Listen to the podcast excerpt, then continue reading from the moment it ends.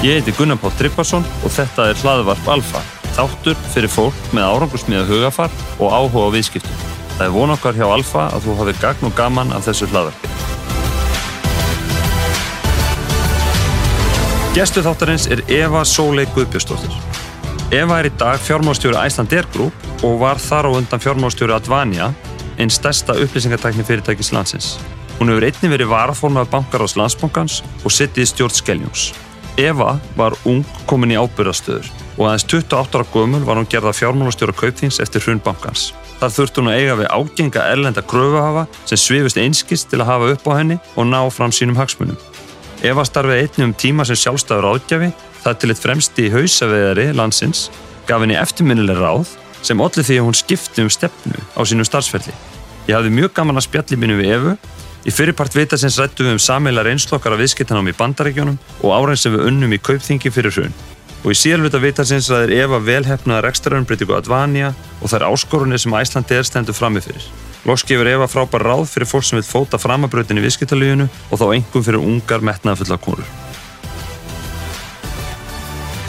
Eva, velkomin í þáttinn. Takk fyrir.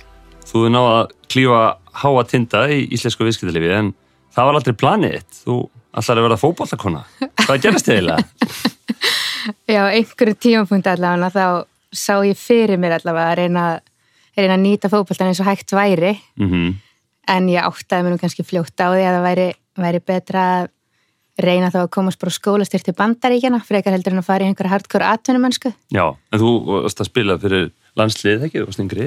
Jú, jú, ég spilaði fyrir breyðablik Mm alveg frá tíu ára eldri cirka Já, og jú, kom svo í landslið, úrlingalandslið á einhverjum tímapunkti sem svona líka hjálpaði aðeins upp á, upp á að fá styrk í bandaríkjunum. já, já.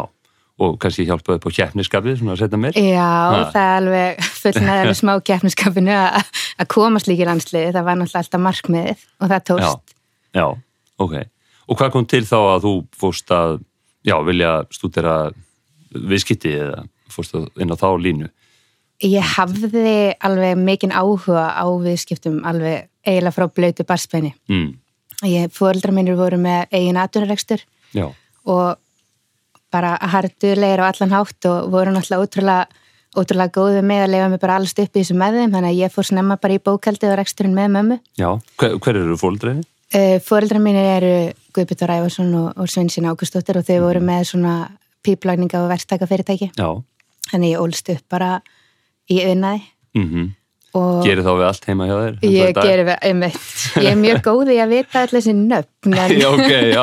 ég get Og listað svona þetta upp. stýra verstýra og svona. Já, en ég, ég fór, pappi kendi mér aldrei pípunar, hann tók strákana bræði mín að þanga. Já, En, hérna, en ég fekk að vera með því og hafði bara mjög, mjög mikinn áhuga á viðskiptum. Fór í Vestló, Mhm. var ein af mínu vinkonum sem að, sem að fór þangað því að mér langaði að læra meira um viðskipti mm og, og var í því, maður kynntist hlutabriðamarkaðinu snemma bara með því að vera að treyta með strákunum í, í Vestló já, ok. sem var mjög gaman. Já, og góðu skóli, þótt að hann hafi kannski ekkit enda rosa vel þegar maður fór að prófa að kaupa í óskráðum brefum já, sem að hurfi síðan bara nokkur mánu setna já.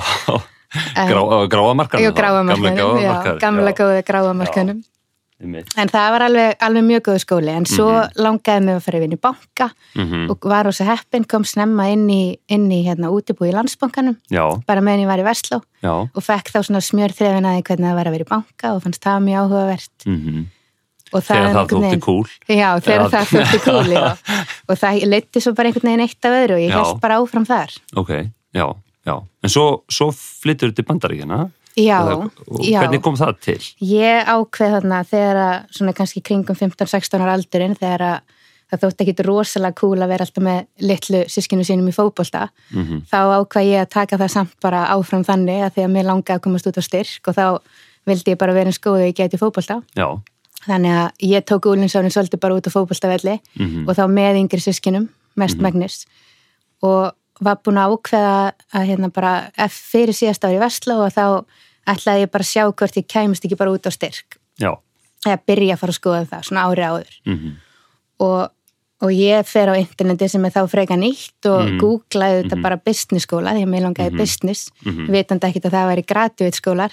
Já, og finn lista þar sem að ég sé allavega tvo skóla sem ég þekki, Yale og Harvard Mhm. og einhverja fleiri, þannig að ég sendi tölvupóst á kannski fótbolta þjálfara frá svona 20-25 fótboltaleðum Já. sem þá ég fann í bara á síðum þessara skóla Mm og sagðist vera frá Íslandi, ég var með landsleiki Já. sem að sko eru svo stórt í bandaríkjunum að vera með landsleiki Já, já. En, en á íslenskan mæli hverja þá er þetta samt allt öðruvísi þetta Já. er bara eins og að komast í steitlið í bandaríkjunum og komast í landslið Já.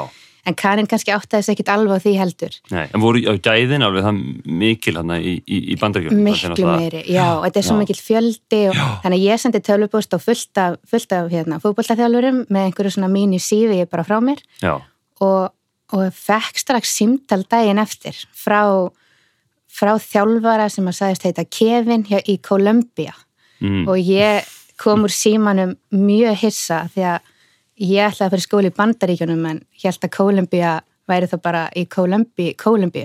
þetta væri bara landi Columbia Já, já, ég undir að fórst á narkos þannig að góðu business alveg það líka þannig að kannski fórst á Já. rángan stað Já, ég var mjög hissi yfir þess að því að hann talaði ennsku þannig að mér fannst þetta eitthvað skrítið þannig að ég Já. fór aftur á Yahoo og, og skoðaði hvað þetta væri og komst að þetta væri bara skóli í bandaríkjunum sem hefði verið á þessum lista Já, þannig að hann væri bara í New York sem ég. Mhm. leist reyndar ekkit rosa vel á því að ég sá fyrir mér að fara í söðrið og, og hérna spila fótboll í góðu veðri já, ok en já. ég ákvaða að skoða þetta aðeins betur Ég heyrti margar sem vilja freka fara í suðrið en að vera í New York Já, en, ég- hérna, var ekki alveg þar en, hérna, en skoða þetta betur og, og svona á einhvern ótrúlega eiginlega bara svona var bara heppni að það var, það atvikaðist þannig að, að Kevin þessi þjálfari mm hann hafi verið að spila með Íslanding á sínum tíma hjá þessum skóla Já. í liðinu þar. Já, og mamma hans var að vinna á í Vestló þar sem að ég var mhm, og hún útskýri svona eins fyrir mér hvað þetta þýtti að þetta væri nú mjög góðu skóli, væri í ævilík Mhm. sem að fyrir mér var bara vinnviðadeildina því að orðabókin sagði það. Já,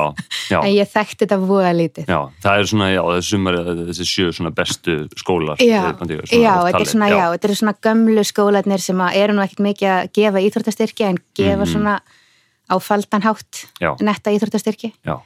Og þannig að ég valdi á endanum að fara ekki í söðrið til vinkuna minna sem voru mestmægnis í Alabama. Mhm, og ekkert í Kolumbíu. Og ekkert í Kolumbíu.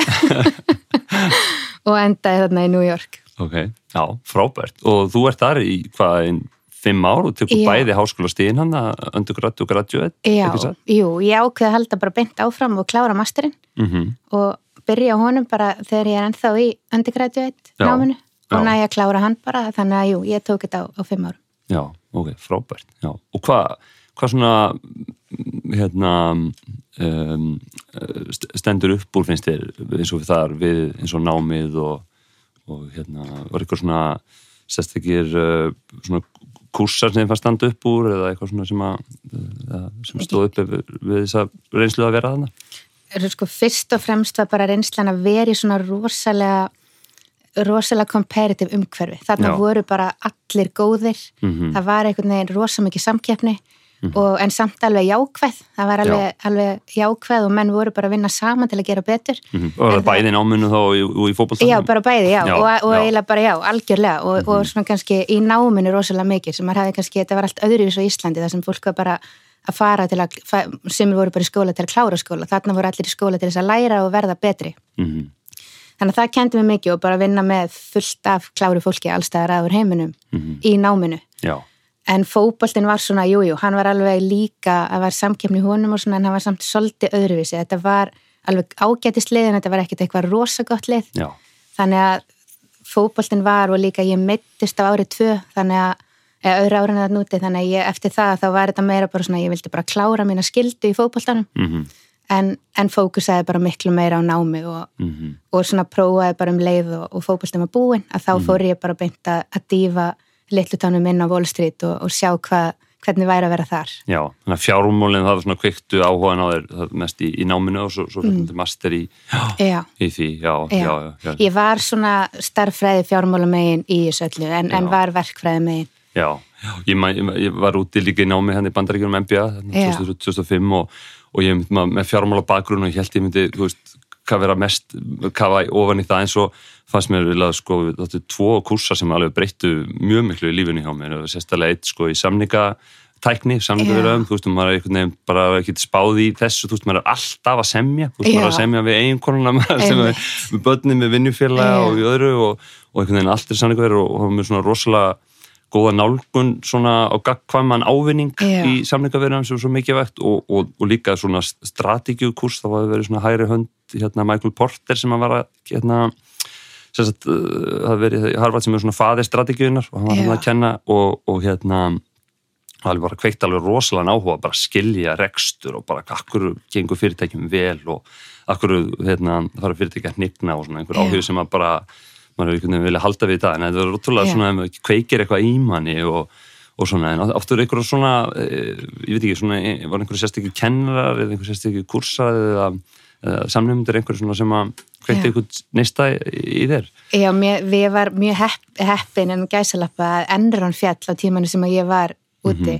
Já, og það var eitt sem var búin að vera mjög nálagt því keisi sem að var að kenna okkur. já, bókværsluðu mitt eða svona accounting. Mhm, og það var útrúlega fróðlegt að bara Já. hann fór svo djúft onni í þetta og sjá bara nákvæmlega hvernig þetta var gert. Já, þannig að já. mér varst það svona allavega það jók alveg áhuga mann sá mhm, mhm, á, á fjármálum. En, en svo var jú, það voru alveg það voru alveg kennarar þarna sem að maður algjörlega eða bara lærði rosa mikið af og leit upp til. Það var fólk sem var búið að vera að vinna lengi á Wall Street og var veginn komið tilbaka að miðla þekkingunni. Mhm, mhm, og, og, hérna, og svo prófessorinn sem að kannski á mestan þátt í því að ég fór beint í mastera því að það var aldrei planið. Já, að hann líka bara í gegnum einhvern veginn allar reynsluna hjá honum. Hann var, hann var rosa ungur, búin að taka lífið rosa hratt mhm, og síndi mann alveg að það var hægt. Hann var búin að gera útrúlega hluti þá hann væri bara færtugt og var orðin dýn í, í hérna deildinni sem við vorum í.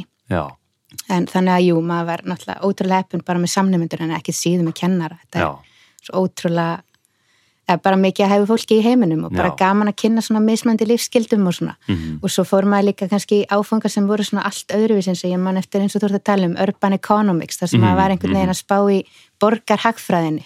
Og akkverju til dæmis söpviðarnir í New York eru þar sem þeir eru en ekki einhvers þar annar staðar. Mhm, og þeir eru mjög kátiskir að hluta til. Já, að það voru bara mismöndi öll og mismöndi stöðum og þá ertu með alla pólitíkin inni og já, já, þú búin að reikna út borgarlínuna já, ég, ég þóra ekki eins og að fara Nei, þangað ok, ok já, ok, ok en hérna, já, frábært Eh, og, og svo, svo ferðu og vinnur aðeins á, á Wall Street í, Já, ég prófa það bara með náminu. já. Ég, hérna, öll þessi fimm ár sem, að, sem ég var að núti að þá átti ég kærast á Íslandi sem er maðurinn minn í dag. Þannig að Mhm. ég, það stóð kannski aldrei til að vera þannig í tíu ár. Þannig að ég ákvaða að um leiðu fótboltum að búin að þá vildi ég prófa að sjá hvernig það væri allavega Mhm, og hérna hafandi verið alltaf í kaupþingi á sumrin með. Mhm. með náminu að þá langaði maður að sjá hvernig það væri úti og, og ég fekk þetta internship sem að var mjög skemmtilegt hjá svona bróker mhm, En ég miskildi aðeins yfirmannin í byrjun þegar hann spurði mig sko hvenar getur unnið. Þá Já. gaf ég honum bara alltaf, alla tímana sem ég átti lausa Mhm. í sólarhingnum.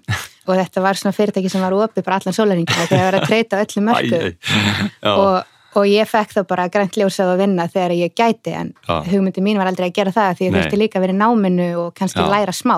já, Þannig að ég tók... Já, en ég, nei, ég var endar alveg, því, fór alveg, hann fór alveg til hliðar. já, En þetta endaði þannig að ég var að vinna kannski svona á með, meðaltali kannski frá 6 til 6, já, fór sér í tíma frá 6 til 9 og svo ætti ég eftir að læra. Þannig að þetta gekk í hálft ára og þetta var útrúlega áhugavert. já, En þarna lærði maður samt líka bara hvað corporate ladder stíin í bandaríkjunum er svo rosalega, hann er brattur en hann er, byrja líka mjög neðalega. já, Þannig að svona, maður var í einhverjum hlutabriða greiningum svona mest magnis já, en maður átti að vera rosa stoltur af því að fara og ná í kaffi fyrir yfirmannin já, já, eða, eða hátegismat. Ég, ég, svona, eh, það var einn, góð vinnu minn, Jóhannes var að, hérna, var að klára nám á, aðeins eftir mér hérna út í bandaríkjónum og ákvað þess að fara að vinna á, á, á, á Wall Street og Mm.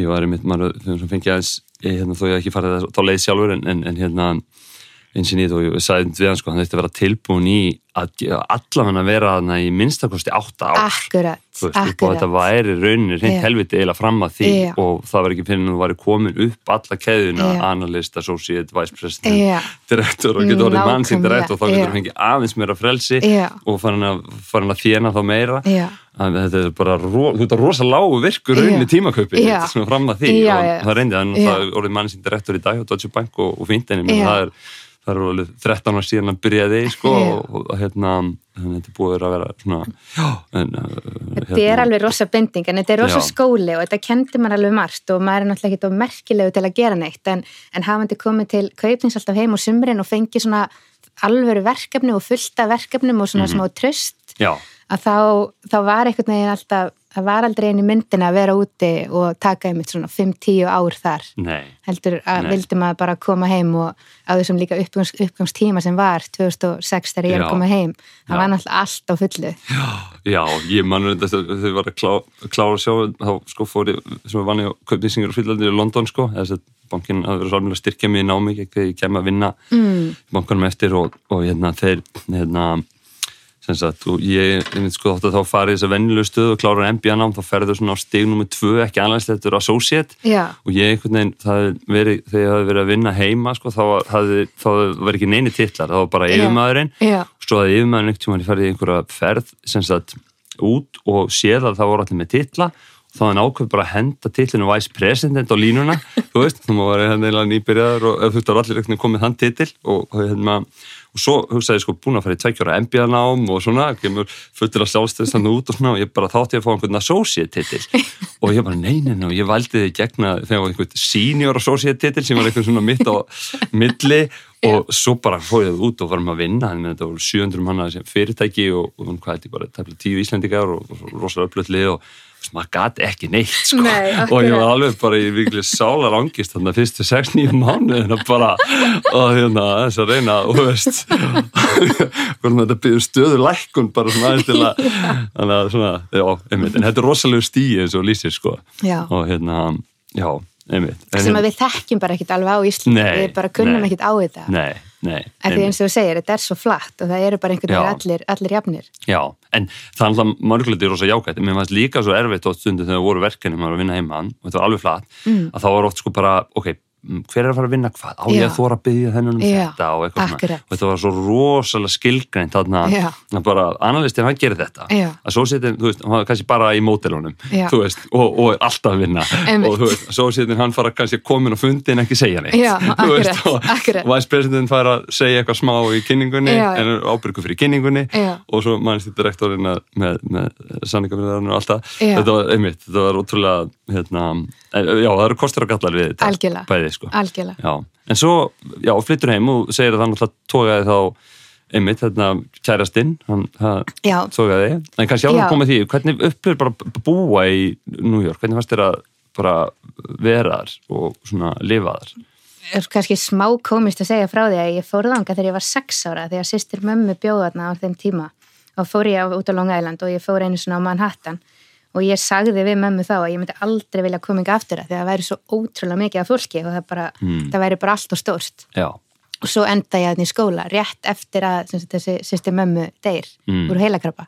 Já, þannig að það er svona pínu kaltaðin í því en mér, mér leiði kannski ekki rosa vel þarna fyrstu mánuðina, þetta var bara svo rosalega mikið nýtt, við fengum hérna 11. september bara rétt á okkur rétt eftir að ég flytt út. Já, þannig að hérna, þetta var alveg mjög skrítið fyrst. En, hérna, en vandist fljótt og borgin vandist alveg vel. Og ég, Mhm. þetta er uppbólsborgin mig í dag og ég reyna að fara þarna einu svona ári. Já, þannig að mér fannst mjög gaman að búa þarna en ég er líka, ég er alveg sérfræðingur í að vita hvað þú getur fengið ódýra samlóku og eitthvað þannig, Já. en þú getur ekkert spurt með veitingastað og hótel því að maður var nei, ekkert þar. Nei, nei, maður var bara að reyna að komast ódýrt í gegnum þetta því að ég fekk alveg skólastyrk en ég fekk enga þannig styrk að Mhm. ég þyrfti að að ég þyrfti ekki að borga neitt sjálf þannig að námslánin fóru bara í að, halda sér uppi já, já, og svo búið að klukka þessa frítímaðina eins og Já, nákvæmlega. það er hann sko Já. einmitt, já, já, ok en, en svo, svo kemur þú heim og, og hérna hafið þú verið að vinna aðeins við kaupning uh, sumrin eða ekki og, Jú. og svo ferði fullt starf þarna og ferði í rauninni vinni í ekki? jú, jú, og, ég og svona þann 2000, og það, hvað, 2006 eða ekki? jú, Náttúrulega ótrúlega já, rosalega tími þannig að 2006 til 2008 já, vinna hann í fjármögnuninni það kemur hann að þessi svona litla má segja greppa hann að 2006 sem Já. sagt, og, og svo náttúrulega stóra 2008 og hérna, eða þetta er 2006 þannig að það lausafjár- eiginlega, já. að lausafjár á bankunum og, og hérna getur lýst þess aðeins bara hvernig hvernig var að díla við þessa húst á áskorunir? Já, þetta var alveg, náttúrulega alveg ótrúlega skemmtilegu tími, líka alveg smá súræðili sko líka þegar maður hugsaði um þetta eftir á Mhm. en ég var rosa heppina því að ég var búin að vera sumarstarfsmaður allavega tvö ekki þrjú sumur áður en ég fyrir fullt starf hjá kaupningi og var búin að kynnast bankanum og, og svona flestum deildum hans ágjörlega þannig þegar ég kem inn 2006 að þá þá þarf ég kannski ekki rosa mikla þjálfun til að geta bara hlaupið af stað og við Já. vorum hann eins og segir í, í fjármögnun á fullu. Og, og hérna þar þurftu við bara þetta sumar sem ég kem heim. Ég hérna eh, tók ekki sumar fyrir það sumar og held ég enginn bara í deildinu sem við vorum í að því að það var bara skýr krafa frá, frá hérna landsæðismannsfyrirtækjanum að tvöfald að lausa fjörstöðuna eða þeir myndi dangreita bankana og ég held að þetta var gilt um alla, alla íslensku allavega kaupþing. Já, þannig að við vorum bara allt sumari og þá snýrist þetta allt um að eiga að lausa fyrir ákveð marga daga. Já, og við vorum mæli hverja upp á sex mánuð en við verðum að koma honum í tól mánuð þannig við verðum að eiga fyrir allum skuldum næstu tól mánuð með núverandi lausa fyrir og við hljöpum allt þetta sumar og þá snýrist þetta svo mikið um að reyna að nota efnaðsreikningina því að það var orðið það var me- hægt að fá kannski mikið meira af unsecured lánum sem var bara svona plain vanilla sem bankarnir voru búin að vera að gera. Þannig að við vorum rosa mikið að reyna að nota líka bara efnaðsreikningin til þess að búa til einhverja struktúra sem við gætum þá nota sem veð á móti, á móti lánum. Já, og þarna nýttist alveg frábælega vel að ég var búin að fara í tvo áfanga úti í, Mhm. í securitization, verðbrefun já, sem að var rosa nýtt. Já, þú ert ekki að tala um ennróðan áfang Nei, ekki ennra, þetta var annar áfangi. Sem var rosa nýtt í heim, ágætlega nýtt í heiminum en sérstaklega á Ísland og bankarnir voru ekkert búin að vera í þessu en nú Já. viti.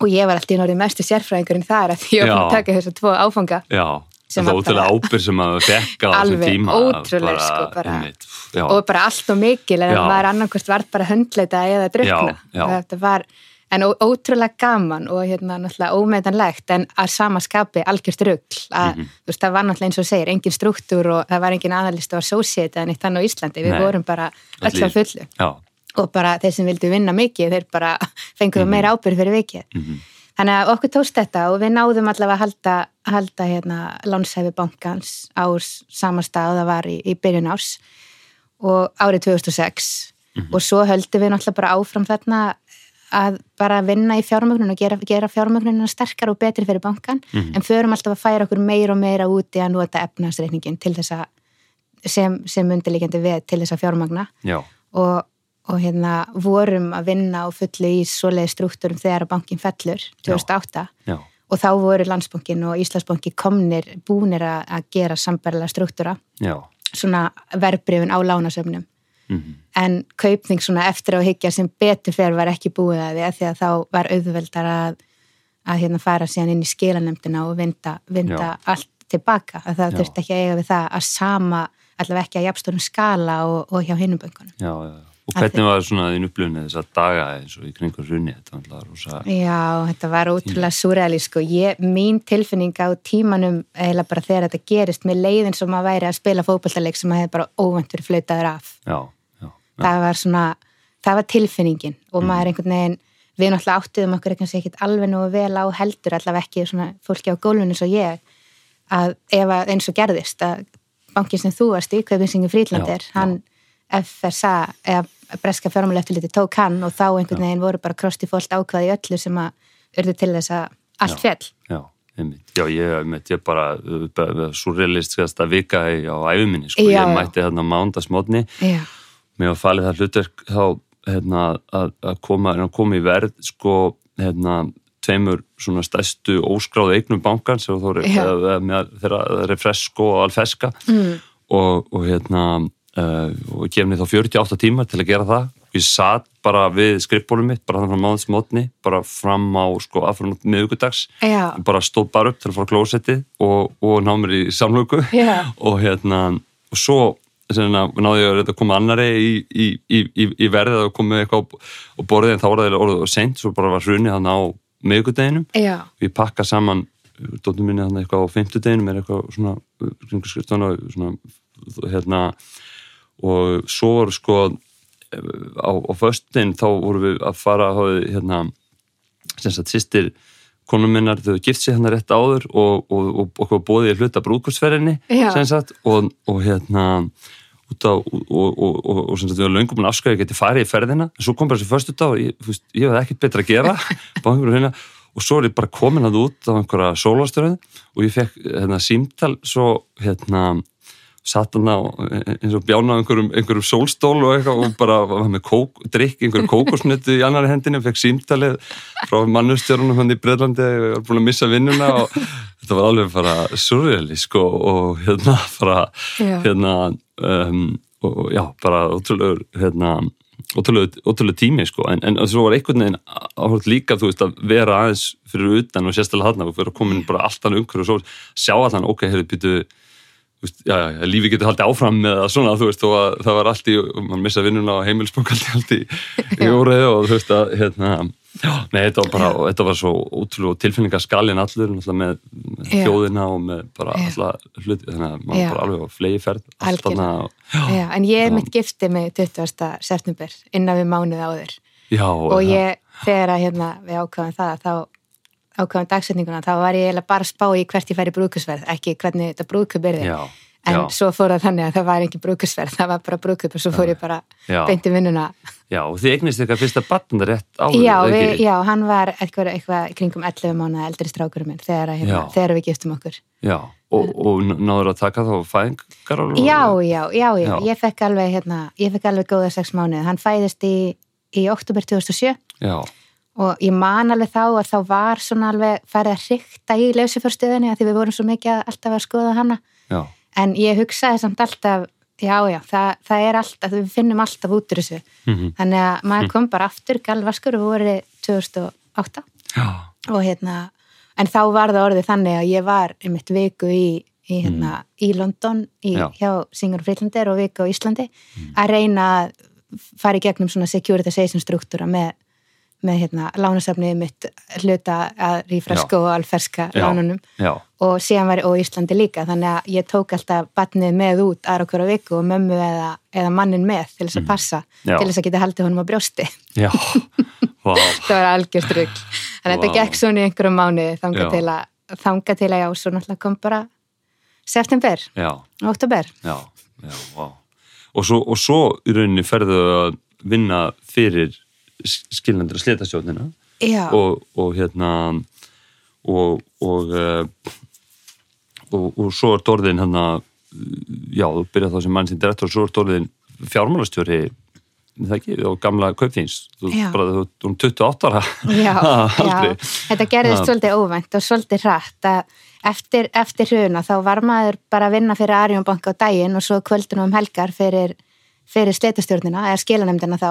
Já, og, hérna, og það var alveg krefjandi og, og svona gaman í stuttan tíma en á einhverjum tímapunkti að það var alveg ljóst að verðum að setja upp einhvers konar rekstur fyrir skilanemdina því þetta var bara svo yfirgrist mikið já, allar erlendu eignirnar voru þar.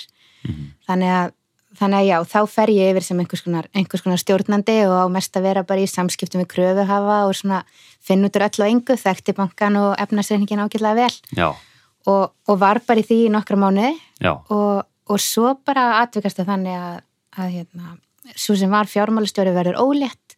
Mhm, og þá fer ég bara hjálpa til að finna einhvern eftirmann en með þetta ekkert í huga að stinga upp á mér, þetta var meira bara að reyna að finna einhvern góðan með okkur. Já, en svo bara endar það þannig að ég beðin um að taka þetta. Og mér fannst það nú hálf fáranlegt fyrst en svo fór ég bara að hugsa þetta og, og var eiginlega bara peppu upp í að taka þetta. Já, já. Og en, þannig, enda, þannig gerist þetta. Já, en, en segjum mér hérna, já, þú ert komin á þetta fjármálstjórn, þetta lítur nú að verið daldil svona krefjandi, ég minna þarna á þessum tíma, þá er þetta allt í óreðu og einnig þá meini ég að þú veist líka það eru svo margir að reyna kröfu hafa að reyna að átta sig á stöðinni og rosalegir fjárhagslegir hagsmunir undir og alveg svakalega stórir, kraftmiklir ellendi sjóðir að svona, já, bara reyna að finna út úr þessum álum og, og vinna í þessu, þannig að hvernig er það fyrir þig 28 ára komin í þetta starf að bara, já, díl, díla við þetta? Maður þurfti náttúrulega bara að læra ansi hratt og gerði alveg klárlega einhver mistök á leiðinni en maður var náttúrulega með skilanemdina fyrir aftan sig og þar voru alveg, alveg hérna, færi ræðilar eins og bara formaðurinn Steinar Þór Mhm. sem að var svona mjög færi lagfræðingur sem var alveg með sitt á hreinu. Og, og hann náttúrulega kendi manni hlutina bara rosalega hratt og hérna uh, það, sko, það var allt í gangi. Svona fyrst eftir falla þá snýrist þetta rosalega mikið um þýsku innláneigunduna sem voru eitthvað í kringum 30.000 sem að, og peningurinn þeirra hann var bara horfin á einu bretti já, og þeir notuð einhvern veginn bara allar leiðir og voru meðal annars bara fu- fundu á endanum já.is og, og fóru þá bara að ringja heimtímans já, já, þannig að hérna sem að var alveg þá, þá var þetta orðið ansinn nálægt manni. Þegar þetta var ekki bara að svara tölupostum og símtölum í vinnunni. Já, já, en, hérna, en við náðum sem betur fyrir að að greiða svona tiltöla hrætt úr því, tók náttúrulega alveg nokkra mánuði. En hérna voru þeir ógnandi þá? Nei, svona- voru ekki beint ógnandi, þeir náttúrulega bara skildið ekki. Þetta, þeir Já. voru bara að leggja margir hverjir alveg háar upp það er inn á einhvern reikning sem Já. átti bara að gefa þeim ágætis vexti Já. og svo var bara allt farið Já, og þú fóðu kannski útrás fyrir allar reyðin á þér já, já, já, alveg klárlega og maður fekk alveg ótrúlegustu tölvupósta líka bara um hvernig, hvernig sko fjölskyldum hefði verið rústað eða einhver tapað öllu sem hann átti Já, eða, já. en, en með sko innlánegjandurna þeir voru svolítið erfiðir út frá því að við, við vorum alltaf að fara, þeir voru með forganskröfur þannig að það var alltaf ljóst að þeir fengi borgað bara Já. alveg eins og allir aðrir forganskröfu hafar en það tók bara miklu lengri tíma út af alls konar sko, admin dítilum, bara svona inn í, í Þýskaland, en það tókst á endanum eftir nokkra mánuði þannig að það var alveg svona smá skóli sem að fór bara svolítið fljótt í gegnum og var þá komið með smá skráp en eftir, eftir að það var komið að þá tóku náttúrulega bara þessi stóru við sem eins og segir voru bara stóru öflugir ellendir aðilar sem voru líka bara margir hverju búin að taka sér mjög vel saman og hópa sér Mm, saman já. og voru með sameiginlega hagsmunni já, og við vorum náttúrulega svo mikið að passa að vera að trýta alla kröfu hafa eins, saman hvort það verið litlir að stórir, innlendir að erlendir. já, Meina innlendu aðlarnir voru ekkert að hópa sér jafn mikið saman og voru þá ekki jafn mikið svona vægi eða jafn mikið foss inn í það sem maður var að gera. mhm, Og líka, líka kannski síndu bara einhver leiti minni áhuga meðan að erlendu kröfuarnir voru alltaf að pæla hvað við vorum að gera og hvað tölur við vorum að sína og svona. já, já, Þannig að þetta var bara mikill og góður skóli og alveg litlir og, og stóri kröfuhafar sem voru mjög reyðir. já, En hérna okkur að greiða úr þessu endanum, það tók tíma. já, já, algjörlega, já, en svo, svo tekur skrefurunni, þú, þú hættir þarna og, og hérna fer að starfa sjálfstætt. Þið eignist ykkar annað barn um þetta litið eða ekki? já, Eða- já, já, hveðilega bara þegar ég er ólíkt að okkar öðru barni 2011 að, að nú væri bara komið gott, þetta var ég var allt, mér langar að vinna fyrir eitthvað sem er að horfa til framtíðar, ekki bara einhvern veginn hjá skilanemdini snýrist þetta náttúrulega augljóslega svolítið mikið um að klára verkefni og pakka þeim saman og fara í næsta en maður var aldrei að vinna til framtíðar. Maður var vera bara að klára og svo kom næsta.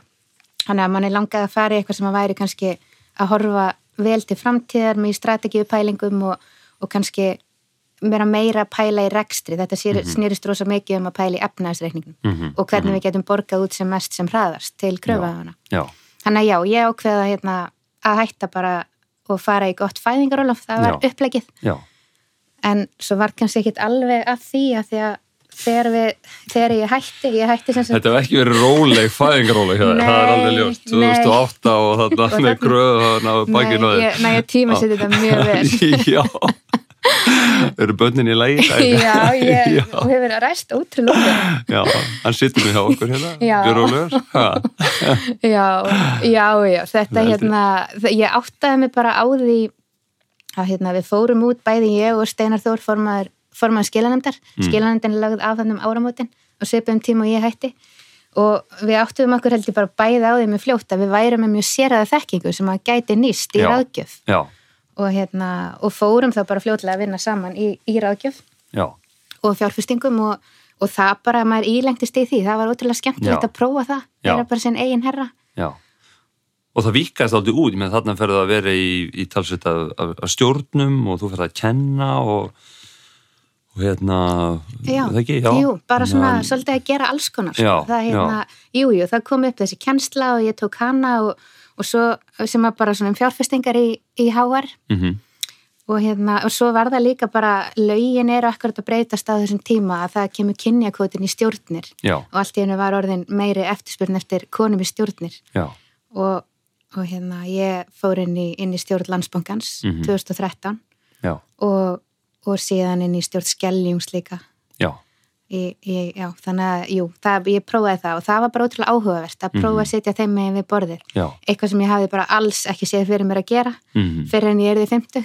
Já. En hérna, en svo bara einhvern veginn kom upp tækifæri og maður segir bara já eins og ofta maður getur og sér svo hvert að leiðir. Já, frábært. Ha, já, þannig að það var, það verið góð, góð reynsla. Hérna, og svo, svo ferðu og vinnur hjá Össur í stutna tíma. Já, Eh. já, svo fæ ég símtal frá hérna svona headhunter á Íslandi sem að bendi mér á að að vera í ráðgjöf og fjárfestningum og vera rétt þrítugur sé svolítið skrítið Já. og það sé eins og ég sé 50 Já, en ég hef nú ekki búin aldrei mjög hefðbundi fram að þessu reyndar, en ok. en ég horfði aldrei á það þannig en hérna, mér varst rosa gaman að, að prófa að vera svona sjálfstæður en ég vissi samt alltaf að maður myndi á endanum fara inn í eitthvað svona stærra því að Já.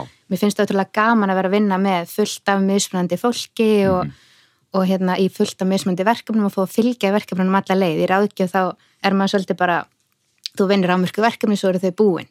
En það er að gaman að fá að vera inn í fyrirtækjunum og fylgja þeim eftir og sjá hvað gerist og fá þá líka að laga ef eitthvað fyrir úrskeiðis. Mhm. Þannig að ég, ég hérna, mér er bent á þetta og, og spurð hvort að ég sé ekki til í að fara inn í össur og það sé mjög spennandi starfi sem að sé í bóði þar Mhm. og ég stekk bara á það og, og hérna og fer þangað eh, 2014 held ég, eða ekki? Jú, ég held að það hefur verið 2014 Mhm. en svo er það kannski bara þannig að ég kannski kemst fljótlega að því að þetta er ekki alveg starfi eins og ég sá það fyrir mér. Ég var búin að vera í mjög stóru starfi inn í kaupþingi Já, og svolítið svona út um allt og allstaðar og, og hérna í fullt af mismandi verkefnum og þetta var bara aðeins og afmarkað. já, já. Já, Össur er alveg frábært fyrirtæki. Alveg geggjað sko. Svenni Sölu, hjálpastjóri, Já. með vinnum minn. Já, já, ég er alveg Já, sammála og, við- ég lærði svo rosalega mikið á þessu ári hvernig væri að vera inn í stærri fyrirtækjum, Já. svona stóru flottu fyrirtæki þar sem ert með strategíun í lægi, ert með alla ferla í lægi Já, og þetta er einhvern veginn bara, þetta er bara smurðvél sem virkar. já, já. Þannig að þó ég hef bara verið þarna í ár, það er bara frábært félag og ég lærði ótrúlega mikið. Við með mitt hérna uh, bæði hérna Yngvi Halldórs sem er partner með mér, eh, partner minn í, í Alfa og, Mm. Já. og hérna algjör snilligur og hérna Algjörlega, ég og, fekk að vinna með honum í ár, Já, það geggjaði líka. já, Með og hérna og Hildi Gilva og, Já. hérna stálmenni þessu líka hérna, hún er fjármálastjórinn hún í einu fyrirtækjum sem við fjárfyrstum í Já, og hérna, þannig að ég, ég vona að ég sé ennþá jólakortalistarum að svenna já, nákvæmlega, jú, jú, vonandi. já, já. En sá, þú ferð þá í mjög spennandi starf og verkefni og verður fjármálastjóri Advania.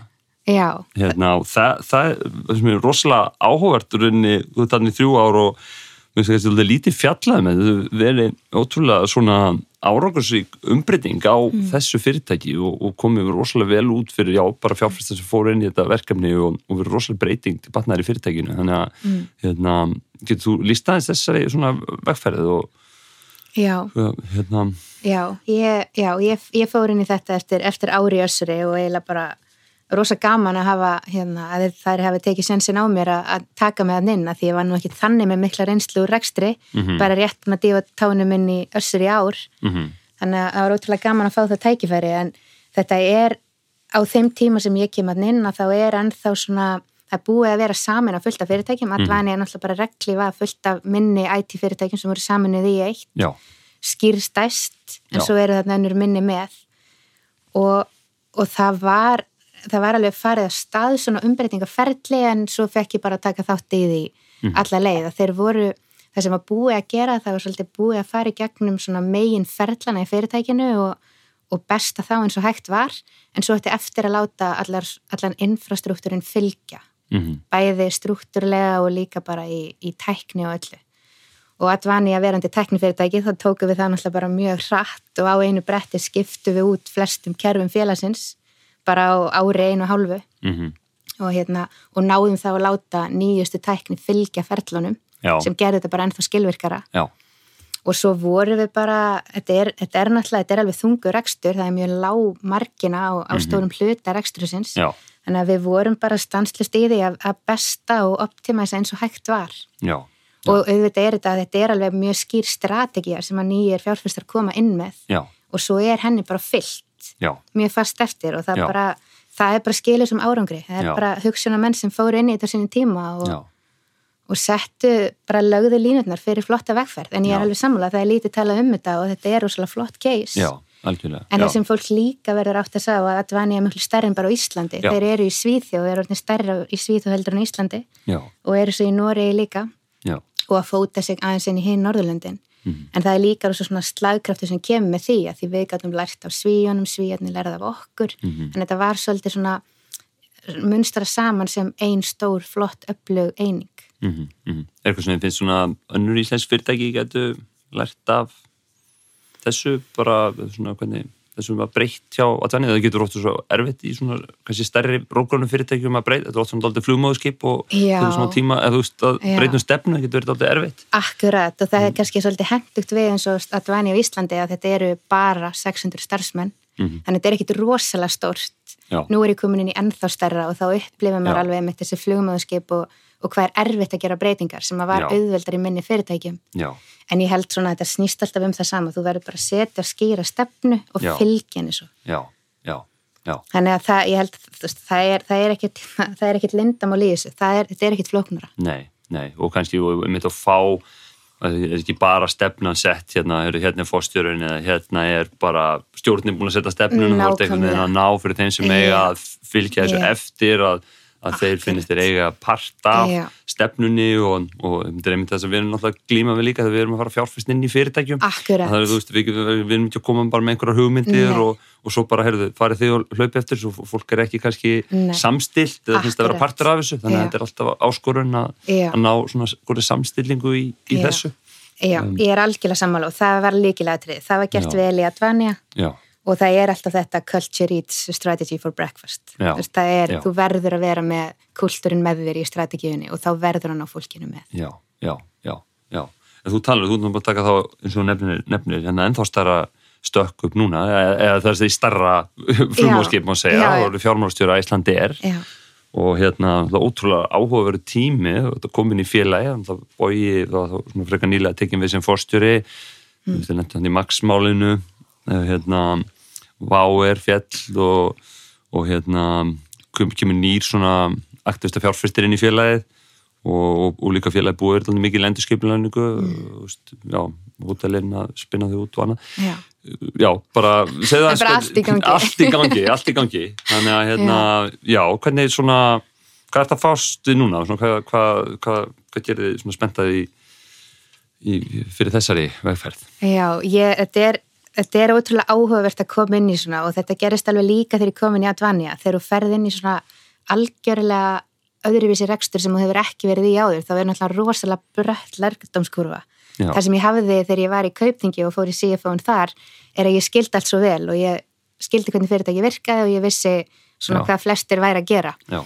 En, en það var klárlega ekki þannig að Advania og maður þurfti að læra rosa hratt þar og það er bara alveg eins í, í Æslandir, maður þarf bara læra rosa hratt og svona kannski til viðbútur við þar sem maður hafði í Advania, þá var maður með markaðinn og, og þetta er skráð félag þannig að maður verður bara að dempa sér svolítið hratt í, í djúbulögina mm uh, þar sem ég er að fást við það er náttúrulega bara allt þetta sem þú ert að nefna Mhm. þetta, er, Mhm. þetta er alveg að mörguleiti flóki en á sama tíma þá erum við ekkit það stór við erum stór á íslenska mælikvarða Já. en það eru miklu stærri flugfylgju til í heiminum sem ná að reyka sér betur Mhm.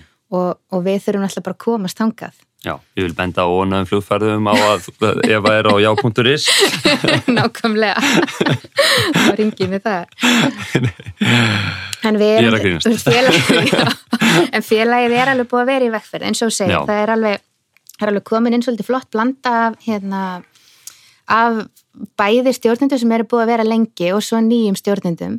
Mhm. og hérna og, og framkvæmdastjórnin til að mynda er að, er að hluta til nýtt fólk en að hluta til fólk sem hefur búið að vera lengin í félaginu. Þannig að þetta er bara, þetta er bara heilbrið, heilbrið blanda já, myndi ég segja. Og við erum núna búin að vera að vinna mjög aktivt í strategíu vinnu sem, að, hérna, sem við höfum unnið með fólkinu Mhm. og erum búin að, búin að, vera, búin að vera að vinna í þessu lengi og ég er náttúrulega bara að koma inn í þetta. Mhm. núna svona á loka metrónum en, en þar sér maður alveg að það er stefnar sem að félagið og, allavega, og starfsminn félagsins trúa á og við höfum búið til saman já, já. og, og maður trúi svolítið á það að, við svo keirum eftir henni og það muni hafa, hafa jákvæð áhrif Mhm. og auðvitað viljum við jákvæð rekstralega áhrif fyrst Já. og fremst Já, þetta er mjög spennandi. Það verður mjög gaman að- fylgjast með þér í þessu hlutverki. En, en svona, þú kannski horfir yfir svona fyrirlinga til í heild, svona, hver, hver ertu svona, segja, stoltust af í,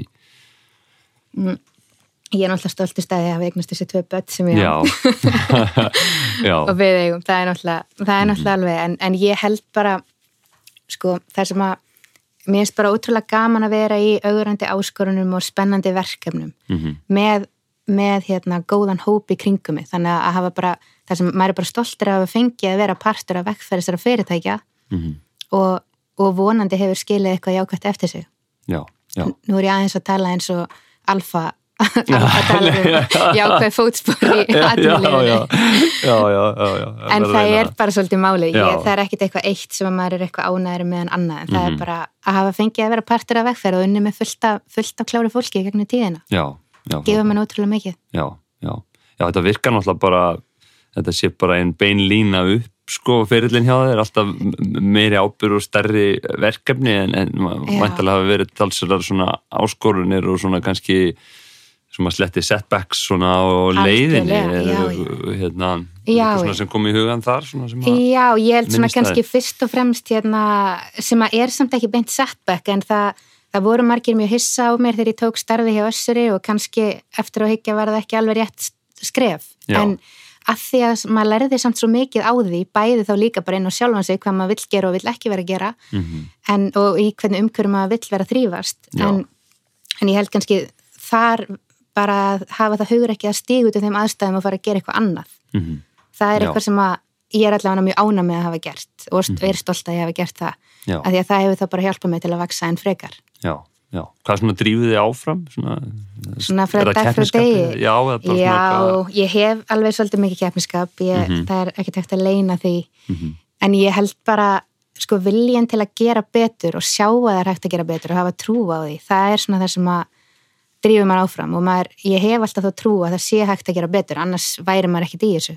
Já, Þannig ég held að það sé kannski örgla þar sem að svona fyrst og fremst er að drífa mann áfram að því maður, ég finn alveg, maður hefur svolítið mikinn drifkraft, maður getur endalust haldið, haldið áfram, maður er alltaf eitt að bæta hlutina. já, algjörlega algjörlega, er, hérna svona vakstar hugafar hérna, svona er eitthvað sem að gefur innblástur, til dæmis er svona bækur sem þú hefur lesið sem hafa sést haft mikil áhrif á því um, eða Já, ég, ég er alveg hérna komin ansið vel að lægi með Audible, þannig að jú, jú, ég hlusta alveg, ég, hlust, ég reyna að hlusta hljóðbækur bara eins mikið og ég get, það er bara er rosalega góð slökun og, og líka bara fróðlegt, þannig að hljóðbækur, jú, gefa mér alveg innblástur en ég held samt svona fyrst og fremst að þá bara í gegnum tíðina þá eru bara svona aðilar sem maður hittir og vinnur með já, svona fólk að- og já. já, fyrirmyndir og Fyrirmynd, já, sem hafa bara rosa mikil áhrif á mann eins og þegar ég var þarna 28 ára inn í kaupþingi, ég spáði reyndar ekki rosa mikið í aldrinum þá. Nei, var samt rosa ána þegar ég var 30 þá get ég sagt ég var á færtusaldri finnst það betra. En, en hérna já, já, já. en þú veist þar Svo var fyrir þetta að snúast við Já, ég ertu- eftir því, ég er ekki já, komin já, en það er svona, þú veist, fólk sem hefur áhrif á mann eins og þarna inn í, í skilanemdina þá, þá var hérna Steinar Þór sem hafði einhvern veginn óbylandi trúpar á, á manni sjálfum og verkefninu sem hjálpa manni, þú veist, maður hefur þá sjálfstyrst til að gera fullt af hlutum sem maður myndi ekki annars gera. Já, og, hérna, og vaksa bara upp í hlutverki. Þannig að það er ótrúlega mikilvægt að hafa þannig stjórnanda þegar maður er svona ungur í Já. þessu. Já, þannig að ég held að það er svona alveg klárlega innblástur á þeim tíma sem að koma manni mjög langt. Já, og svo var ég nú líka svo heppin inn í, inn í landsbanka. Þar var ég með mikinn meistara mm. og algjöran mentor mm. Tryggva Pálsson. Pappa þinn. Já, já. Það sem að ég var varaformaður og, og hann formaður og það, það hjálpaði manni ótrúlega mikið. Hann, hann starfaði bara þannig að maður fekk að, að vaksa og þróskast rosalega hrætt líka. Já, gleður ég- mig að heyra það hann er, mikið, mér er mikið fyrir mitt líka. Algjörlega, hann er algjör snillingur. Þannig ég held að sé svolítið líka bara að, að hef, fólk hefur áhrif á því og líka bara stundum fattar það ekkert verið en eftir á hvað fólk hefur mikil áhrif á mann. Já, já, já. Þú kannu að segja eins og með með glerþækið þú veist, hérna hvernig upplifur það? Ég meina, upplifur það að þú sett einhvern veginn núna komin yfir það og jafnvel standir á því og það, það hjálpir eða upplifur það að þú sett að að rekast á það og, og það sé kannski hindriði að veist, rí- rísa harra upp? Svona, hvernig, hvernig þín upplifun að, að því á Íslandi? Sko mín persónlega upplifin er bara alls ekki þannig að það sé eitthvað mikið glerþak ég veit alveg að það er á einhverjum stöðum og svona. Mhm. en ég hef allavega verið það heppin að ég hef ekki beint eitthvað upplifað en hérna, ekki, ekki sjálf en ég hef alveg séð það gerast og það er alveg pyrrandi en fyrir mér er bara ég hef ekkert aðra markmið í augnablikinu heldur en bara standa mig vel í því sem ég er að gera núna mm. og, og, hérna, og vonandi bara veist, hjálpa Æslandeir að komast á betri kjölur ekstrala veist, félagið er byggt á ótrúlega góðum grunni, sterkum rótum það er rosalega þekkinganinni mm. og, og reksturinn við getum gert betur mm. Þannig að það er bara mitt markmið núna. Ég er, ég er alls ekkit að spáði hvort það sé eitthvað, eitthvað umfram það. Ég ég sé samt alveg fyrir mér einhver tíma að verða svona 50-60 stjórnakona eins og, eins og ég mhm. var þegar ég var 30 en, hérna, en svona ég er rosa mikið líka bara og það er líka eitthvað sem maður læri bara með árunum að njóta nú, núsins það er ekkit, ekkit endilega eitthvað grætna hinum einn en, en hérna, ég held við eigum alveg ágætla stort verkefni fyrir höndum bara hérna, mhm. hjálpa Íslandi er að blómstra Já, já. En, En, ég, en þetta glerþak það er perrandi þegar maður sér það í öðru fyrirtækjum, maður sér þetta stundum á vin, vinkonu sínum og, og það er eiga erfitt með þetta. Já, já, já. En ég, ég er samt trúið í að þetta fara að breytast. Við erum búin að breytast í stjórnánum mm -hmm. en það sé til dæmis engin kona sem að er að fara fyrir skráði félagi á Íslandi, það er óþólandi mm -hmm. Og vonandi náum við bara að breyta því sem fyrst. Já, já. Hver, kannski að lokum, hver, hver eru þín ráð til ungra kvenna sem að hafa metnað í viðskiptalífunu en eru líka að stopna fjörskildu eða með fjörskildu hvernig eiga góðan mann. Nei það, er alveg partur af þessu. Það já. hefur alveg klárlega hjálpað mér. Ég bæðið mjög, mjög góðan og þólum á mann og líka mm -hmm. bara ef ótrúlega gott baklandi í fóröldrum og teindafóröldrum og það já. skiptir alveg máli mm -hmm. að því að þú ert þú veist, það er bara oft þannig að að hérna, ef þú ert kallmaður í sambandinu þá hefur þú miklu meira sveianleika heldur en ef þú ert já, konan já. en þú verður líka alveg svolítið að vilja sjálf þá fara út í það ég, ég lenda alveg stundum í því eftir, eftir langa vinnuferðir að börnum mín það kalla mig pappa eða þeir eru bara búin að kleima mamma. Já. en svo kemur það alveg með tímanum Finnur þú fyrir svona tókstreitu með eða samvinskupiti? Já, maður er kannski alltaf með samvinskupiti en maður reynir bara að leiða það hjá sér. Já. þau er alveg ágætum höndum og bara já. mjög góðum höndum. Já, allavega það sem ég sé það. Já, þau er alveg þannig að ég, ég er ekkit en, en svona ef, það, sem, það sem ég hefði viljað heyra þegar ég var tvítug það er bara að hérna, þú, að að, þú, þú, maður verður náttúrulega verið tilbúin að leggja á sig það gerist ekkit að sjálfum sér. Og og líka bara sko það, það er að byrja bara að taka bara verkefni sem maður fær, það skiptir einhver máli hvort þau eru stóri eða lítil, bara taka allt sem maður fær og, og gera það vel og þá vex maður upp í stærri verkefni mm. Það er alveg leikið latrið og, lí, og líka samt sækjast eftir meira og byrja sækjast eftir meira verkefnum og ef þú finnur það að þú ert komin á einhver tímapunkt þar sem þú ert að staðna mm. þá að hafa hugur ekki að fara út á aðstafanum, ekki vera kvarta í mörg ári, vera, þú fáir ekki eitt og þetta þá færða það kannski ekki þarna en þú færða kannski einhver starf annar staðar og leitaði þá að því, það gerist ekki þetta sjálfum sér. Já, þetta er já, frábær, frábær orð. Hérna, Eva, takk kærlega fyrir spjalli Takk sem við leiðist